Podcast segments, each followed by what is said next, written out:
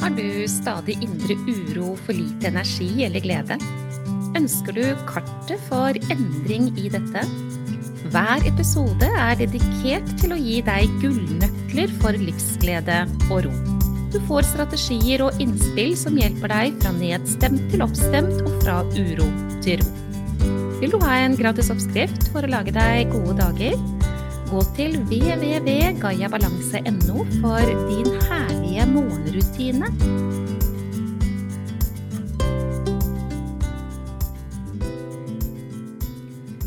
Denne episoden den skal handle om noe kjempeviktig. Dette også. Og det handler om um, Tar du imot det som kommer ut av en annen munn som personlig, eller klarer du å se på det som sak? Og her, kjære deg, er det potensielt sett en stor kilde til enorme mengder stress. Jeg kan nesten egentlig ikke bruke store nok ord, tror jeg, så stor kilde til enorme mengder stress, det er i hvert fall veldig riktig. Hvis det er f.eks. slik at du jobber som ja, hva skal vi si, en rengjøringsmedarbeider, er det det det heter? Du jobber med rengjøring, og så har du hatt et oppdrag som du har utført. Og jammen ble det rent og pent. Det var ingenting å utsette på det oppdraget. Men der borte, vet du, i taket der borte, så hadde du plutselig oppdaget en flekk som du hadde forsøkt etter alle kunstens regler å bli kvitt, men det lot seg ikke gjøre, fordi denne flekken den var nesten som en sånn avskrapning av noe på noe vis. Bare, bare tenk deg det. Og så overleverer du jo dette arbeidet du har gjort, og så kommer det en tilbakemelding om den flekken. Egentlig så vet du jo at du har prøvd etter alle kunstens regler å gjøre noe med noe som ikke lot seg gjøre noe med. Det vet du veldig godt, men den tilbakemeldingen du får, den blir du berørt av allikevel. Bli med meg inn i denne episoden, kjære deg, fordi dette med å kunne skille mellom sak og person og ha en tilnærming i toppetasjen som om man gjør det, det er av enorm betydning for mengde stress. Ok, la oss gå tilbake igjen til denne situasjonen. Du får altså en klage over noe som ikke du kunne gjøre noe med.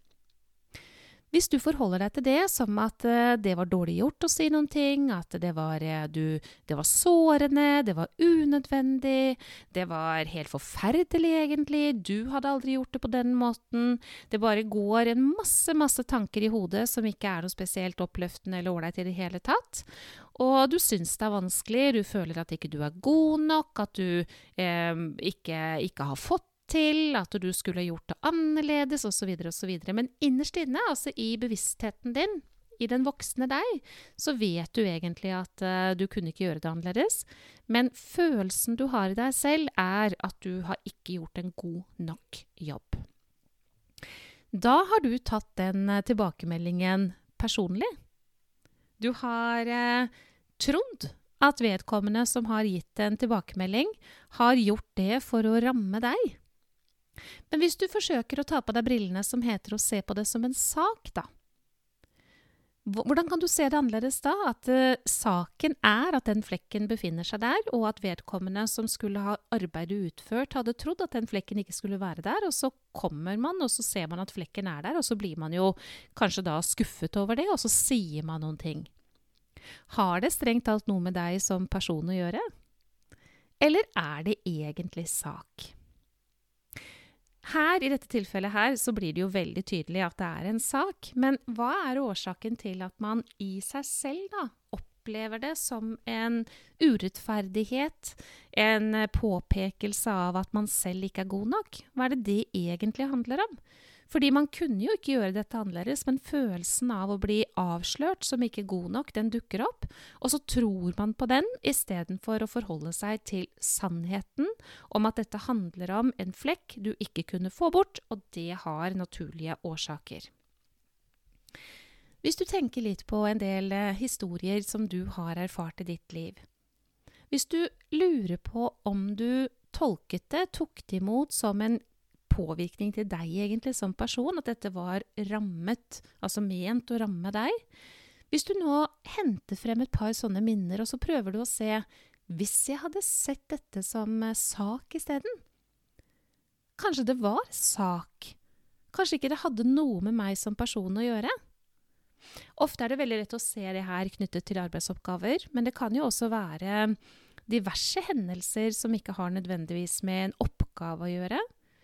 Uh, jeg utfordrer deg litt på det, fordi hvis du kan la være å tolke noe som en krenkelse til deg, så vil du få atskillig mindre mengde stress. Det er helt sikkert. Det handler i bunn og grunn om mangel på tillit til seg selv, egentlig. At man er god nok. Man har egentlig en eh, ja, hva skal jeg si, en tilnærming til seg selv som at jeg er ikke god nok, og måtte Gud forby at noen eh, kommer til meg og forteller meg at jeg ikke er det. Og da er det veldig ofte tilbakemeldinger knyttet til noe vi har gjort.